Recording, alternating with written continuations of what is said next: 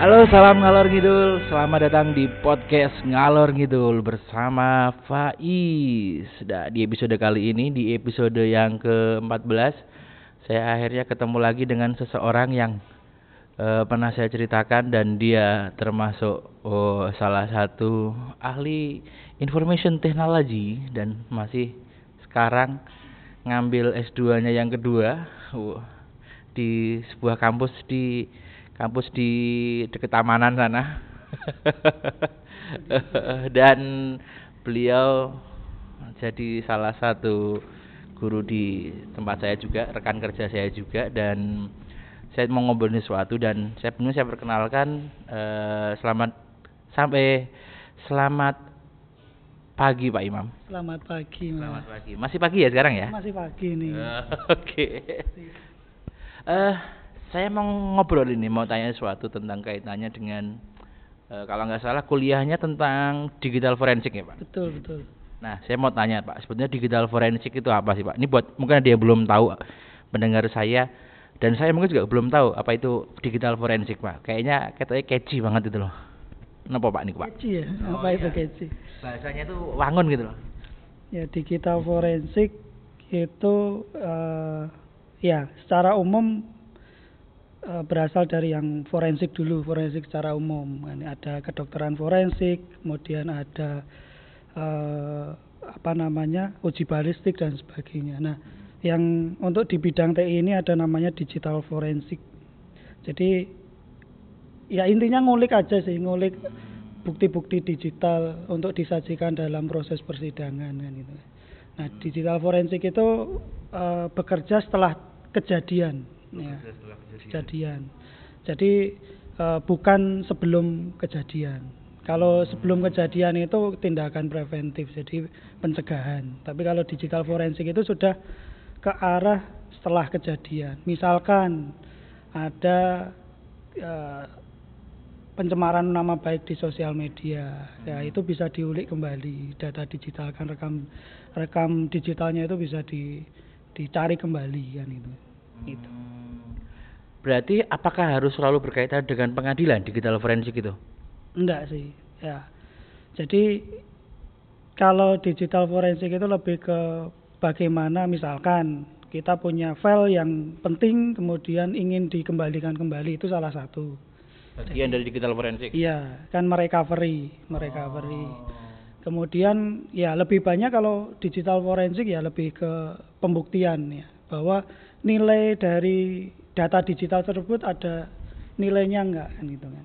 Nilai dalam artian uh, ada informasi yang sangat penting di situ. Misalkan ada kasus uh, ya kasus-kasus yang ada di uh, internet lah atau di yang sedang apa namanya sedang booming atau sedang viral itu kan entah media sosial entah tentang video yang tanda kutip itu kan itu itu kan bisa dicari ya. ada contoh kasus nggak misalnya Contoh kasus misalkan email palsu. Ya, misalkan contoh ada salah satu bank A e, mengirimkan email scamming, ya, gitu, ya. scamming ya. gitu ya. Tetapi email itu tidak asli sebetulnya. Hmm. Ada orang lain yang memanfaatkan email itu, oh, jadi ngirim iya, itu iya. dengan alamat yang mirip-mirip gitu kan. Hmm. Misalkan seharusnya e, biasanya memanfaatkan e, ketikan tipu gitu ya. Jadi misalkan hmm. ada BCA jadi ABC. Nah, oh, itu okay, okay. seolah-olah halamannya itu sama, itu bisa nanti. Ya. Hmm. Jadi dari kesalahan itu namanya nanti ke social engineer ya, teknik ya pengumpulan data hackingnya seperti itu. Uh, terus cara mendapatkan data digitalnya itu gimana? Cara mendapatkan data digitalnya ya menggunakan tool, menggunakan tool tool forensik itu sudah ada, tentunya ya mahal gitu ya.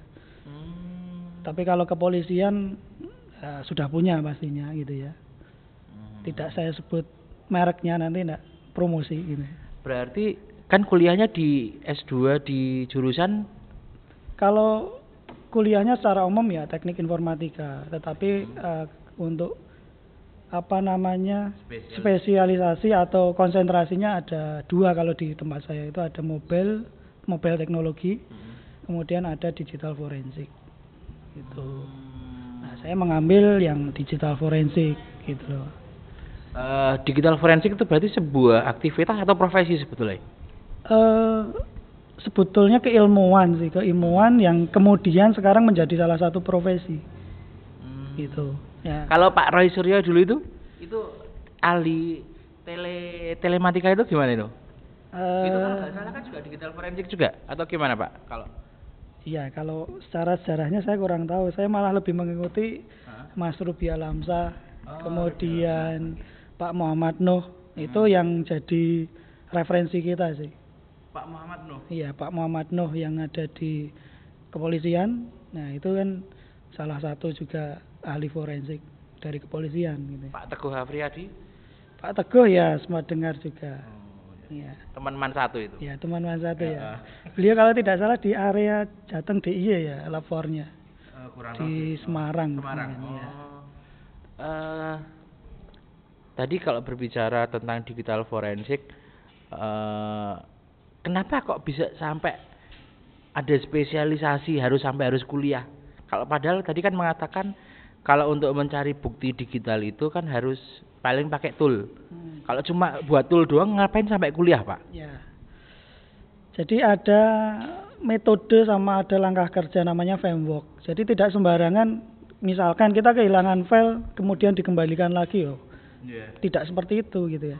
Jadi di digital forensik itu bagaimana mengambil tool tapi tidak merubah gitu lah. Eh eh, sorry, mengambil bukti atau data tapi tidak mengubah data tersebut. Jangan sampai berubah malah gitu ya. Jadi misal dat- eh, filenya tulis eh, ABCD, jadi dapatnya harus ABCD juga atau gimana maksudnya? dapatnya ABCD, ukuran filenya sama, nilai hasnya juga sama. Nilai hasilnya juga sama. Kalau berbeda berarti ada perubahan dalam data tersebut. Gitu ya. Jadi yang dipelajari ya selain kita belajar toolnya sendiri, kita belajar metodologinya juga, met- eh, belajar langkah kerjanya, kemudian bagaimana penanganannya. Ya, contoh saja kalau eh, pernah kita dengar eh, penanganan eh, barang bukti di TKP kan tidak bisa disentuh dengan eh, tangan telanjang, harus menggunakan kaos tangan atau ta- eh, apa eh, lapisan kaos karet itu. Atau menggunakan harus diambil diamankan dengan plastik dan sebagainya itu kan salah satunya gitu ya. Itu. Hmm, oke. Ini pikiran saya Pak, kebetulan saya juga follow ah, sebuah akun Twitter namanya Kurawa. Dia juga mengaku digital forensik juga kalau nggak salah. Tapi dia basicnya akuntan. Dia itu eh, eh, ngobrolin tentang jadi digital forensik apakah tidak eh, tadi kan ceritanya masalah file ya ngobrolnya gitu loh. Kalau berkaitan dengan digital di sosial media dan internet kayak gitu, apakah juga bagian dari digital forensik juga ranah ranah apa ya ranah TKP-nya eh, profesi digital forensik? Ya, jadi digital forensik itu secara umum ya. Kalau menurut eh, beberapa referensi yang saya baca itu ada eh, komputer forensik, kemudian ada memori forensik, kemudian ada network forensik, kemudian ada mobile forensik, kemudian ada database forensik dan email dan email forensik. Itu yang saya banget baca. ya. Jadi bagiannya itu banyak. Ya, itu. Yang digelutin jenengan di bagian mananya Pak? Semua. Jadi semua kita coba pelajari, kita coba ya istilahnya ya kita cobalah, kita belajar sendiri dan belajar melalui referensi baik dari rekan eh, saya dan dosen juga. eh ini kan nanti suatu saat jadi jadi sebuah profesi ya gitu ya, Pak. Kira-kira gimana masa depannya ini Pak? Ya masa depannya kalau dilihat dari kasusnya nih Mas ya. eh, di sosial media itu kan ramai banget itu. Ya, misalkan ada si A menyebarkan foto si B, kemudian eh, si A eh, chatting ke si B dengan nah, akhirnya kemudian ya kemudian eh, itu menjadi viral, kemudian menjadi kasus, nah, kemudian barang buktinya mungkin tidak ada. Nah, itu yang perlu dicari. Nah, itu jadi Seperti Ariel dan Cutari itu ya? Nah, itu salah satunya kan gitu ya. harus dia harus menemukan sumbernya dari mana gitu pada akhirnya. Digital forensik perannya di situ. Iya, jadi digital forensik yang pasti intinya adalah eh, dari siapa, kapan, di mana itu harus terjawab, ter- terjawab kan gitu ya. Ya seperti eh W berapa itu? Yang H5W1 ya? 5W. Eh 5W kebalik, sorry. 5W 1. 5W1H itu Oh. ya sama lah, hampir sama itu. Oh, Oke oke oke. Kalau ini Pak, hmm, berbicara digital forensik kaitannya dengan eh, fenomena eh, kaitannya dengan yang kasusnya Bu Nuril, mengikuti nggak Pak? Ya sempat mendengarkan juga kan gitu ya. Itu gimana Pak kalau dari sudut pandang forensik, digital forensik? Eh, dari sudut pandang digital forensik ya menarik gitu ya. Itu berarti harus eh, itu kan udah, udah jelas ya kalau eh, berarti seorang digital forensik juga harus memahami undang-undang ITE dong berarti. Betul, harus memahami undang-undang ITE salah satunya kemudian memahami juga undang-undang pidana gitu kan. Tapi di sini di digital forensik hanya menyajikan apa yang eh, dilaporkan kemudian sama investigator dicoba, mencoba dicari ya data-data yang terkait dengan itu dicari kemudian dilaporkan ke pihak terkait gitu ya. misalkan ke kejaksaan atau ke kepo- kepolisian atau ke KPK yang yang boleh me, istilahnya mengetahui informasi tersebut gitu. Oke, kalau ini Pak kasusnya Deddy Kobusier dulu itu kan pernah nangkep mm, salah satu orang yang menghina dia di sosial media kalau nggak salah. Nyari sampai ketemu itu bagian dari digital forensik nggak Pak? Iya, eh, itu bisa salah satunya gitu ya. Tapi kan kalau secara apa namanya keilmuan ya harus dengan metode, ada laporannya juga kan itu. Secara prinsip kapan dimulai apa perkaranya itu kemudian ya mengikuti alur resmi lah ya. Tapi kalau hanya mencari saja kan berarti ya kita bisa istilahnya Hanya profiling Iya, profiling dari eh, yang akan dicari itu kan gitu. Data-data siapa misalkan kan gitu. Kalau profiling kan nggak perlu sampai kuliah Pak. Kalau yang sampai jelimet itu gimana Pak cara menemukannya? Ya. Itu kasusnya kalau mencari kan masih ranah mudah mungkin ya. Jadi kan hanya mencari seseorang dengan profilnya ini, kemudian dia menggunakan sosial media ini kan mudah. Tetapi nyambung, kalau ya. nanti me- sosial medianya itu sudah dihapus semua bagaimana kan gitu Nah, kan? itu betul, Pak. Nah, itu yang dipelajari. Kemudian penanganannya bagaimana? Apakah kita harus langsung bertindak sendiri? Ya tentunya tidak. Hmm. Ya. Harusnya kan ada eh, proses hukum yang harus dilalui gitu ya. Proses-proses prosedur gitu ya. Hmm. Apakah eh, ya melanggar undang-undang ITE atau pidana atau perdata dan sebagainya itu kan bisa. Jadi kalau misal saya maki-maki seseorang, terus saya delete itunya, saya apa, eh, wipe kayak gitu, tetap bisa kelihatan juga, bisa dideteksi lagi juga. Ya, di situlah ya, di situlah eh, digital forensik bekerja, gitu ya. Dimungkinkan masih masih dalam kutip dimungkinkan bisa kembali karena apa ya? Tergantung medianya dari ponsel, dari komputer, dari jaringan network atau dari yang lainnya, yang gitu kan. Begitu. Terus biar sebetulnya ada nggak sih cara biar kita itu aman di di dunia internet lah mungkin karena kita kaitannya kan sekarang di dunia internet itu bagaimana caranya kita bisa aman aman secara martian mungkin kita maki-maki orang nggak ketahuan itu aman terus eh ya pokoknya aman lah, nggak ketahuan gitu loh itu gimana ada nggak caranya sebetulnya Ya. Kalau seperti itu kan seolah-olah kita menjadi apa ya? eh, menutup diri Ya. di lingkungan dunia maya atau internet. Kayaknya nggak mungkin itu, Mas. mungkin Jadi sekarang itu kalau dulu saya baca empat tahun baru kehapus. Dan jejak digital itu sekarang sudah nggak bisa kan, jejak digital itu. Jadi kalau kita sudah posting atau share sesuatu ya dalam tanda kutip melanggar undang-undang ITE ya kemungkinan sudah sulit untuk dihapus. Untuk di internet lah ya. Untuk di jaringan internet. Kalau misal deh Pak ini, eh saya bikin akun anonim, terus saya maki-maki orang, eh terus saya delete HP-nya, wipe, saya install dua kali, itu masih bisa kedetek nggak sih? Ya, eh, saya harus membocorkan sesuatu ini berarti.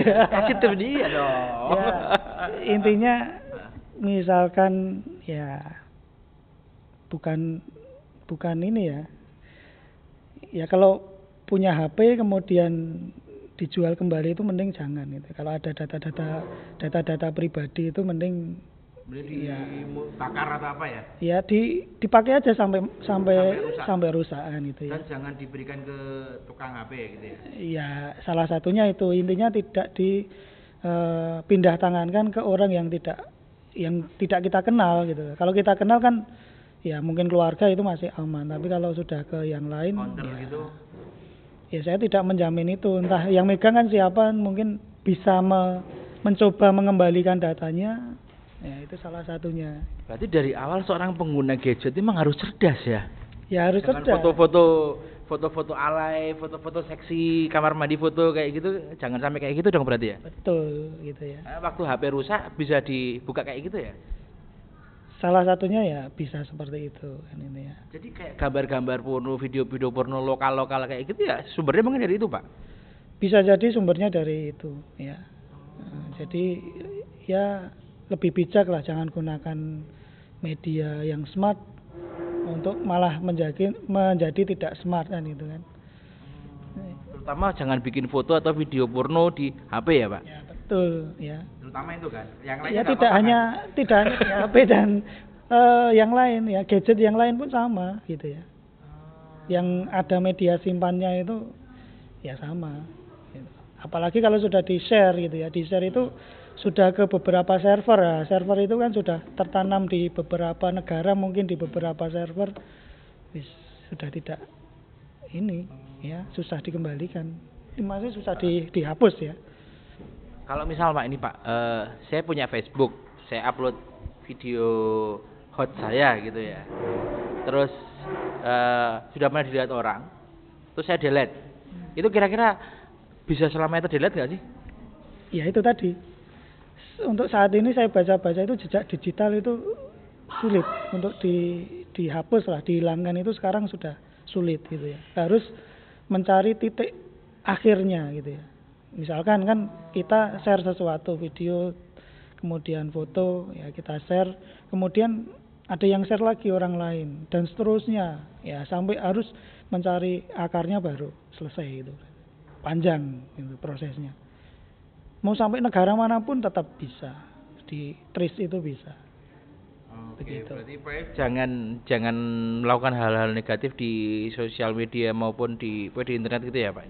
ya intinya lebih bijak menggunakan sosial media kemudian lebih bijak menggunakan alat dan perangkat dan software dan sebagainya lah tentang ya teknologi informasi itu kan itu ya lebih Ada tips nggak yang mungkin setiap orang mungkin belum sadar kaitannya dengan internet lah, gadget dan sebagainya. Dan yang harus membuat kita waspada, benar-benar waspada. Anda nggak Pak? Ya, yang harus waspada kita jangan share data pribadi kita untuk umum ya. Apalagi ya terkait dengan data-data diri, privasi, kemudian data-data password ya dan sebagainya itu lebih baik jangan di-share untuk umum kan itu ya. Cukup ya personal atau mungkin orang yang terpercaya mungkin bisa adik atau saudara yang mungkin kalau suatu saat ada eh, suatu apa ya force major yang tidak dikehendaki bisa mengakses itu. Tapi kalau tidak terlalu penting ya jangan di share aja lah gitu. Kemudian untuk yang penggunaan gadget ya jangan menggunakan gadget itu untuk hal-hal yang negatif lah intinya kan itu. Apa pun. Apa pun Walaupun bentuknya. negatifnya kecil gitu nggak boleh ya Pak? Ya namanya saja negatif mas, ya gitu ya. Iya. Berarti nggak ada namanya hoax membangun tuh nggak ada ya? Oh, kok membangun? Hoax itu pasti ya kalau membangun itu motivasi dan nasihat mungkin. Oh, ini nanti kalau Mbak itu jadi kita ngalor ke mana-mana Pak. Iya. Oke deh Pak kalau gitu Pak Imam terima kasih sekali sudah mau saya ngobrol-ngobrol di podcast ngalor ngidul. Terima kasih waktunya Pak Imam. Oke, baik terima kasih juga sudah mendengarkan apa ya ocehan saya ini. Ya mungkin saya belum belum begitu banyak karena masih belajar juga. Ya mungkin suatu saat bisalah diskusi kembali ngobrol lagi kan gitu ya. Kalau ada orang mau diskusi sama jenengan eh, tentang digital forensik bisa nggak ini? Ya saya selesaikan dulu kuliahnya. Oh, gitu gitu. Sosial medianya apa Pak? Ada yang bisa di follow atau dibuat buat uh, diskusi mungkin ada yang mau ngobrol tentang digital forensik? Ya, sosial media saya lebih ke Telegram sama Twitter aja sih. Cuma Twitter juga nggak banyak aktif. Gitu. Lebih aktif di Telegram. Sosial, mau cara menghubunginya gimana? Bisa nggak?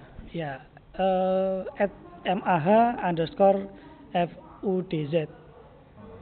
Mahfud. Gitu ya? Gitu ya betul. Oke itu udah diejak. Pokoknya kalau mau siapa yang ngobrol-ngobrol pengen pengen lebih ngobrol lebih tentang digital forensik bisa langsung dari at telegramnya Pak Imam. Dan sekali lagi terima kasih sudah dengerin episode yang ke-15 ini. Uh, mohon maaf apabila ada salah-salah kata. Terima kasih. Selamat selamat beraktivitas apa pun dan salam ngalor ngidul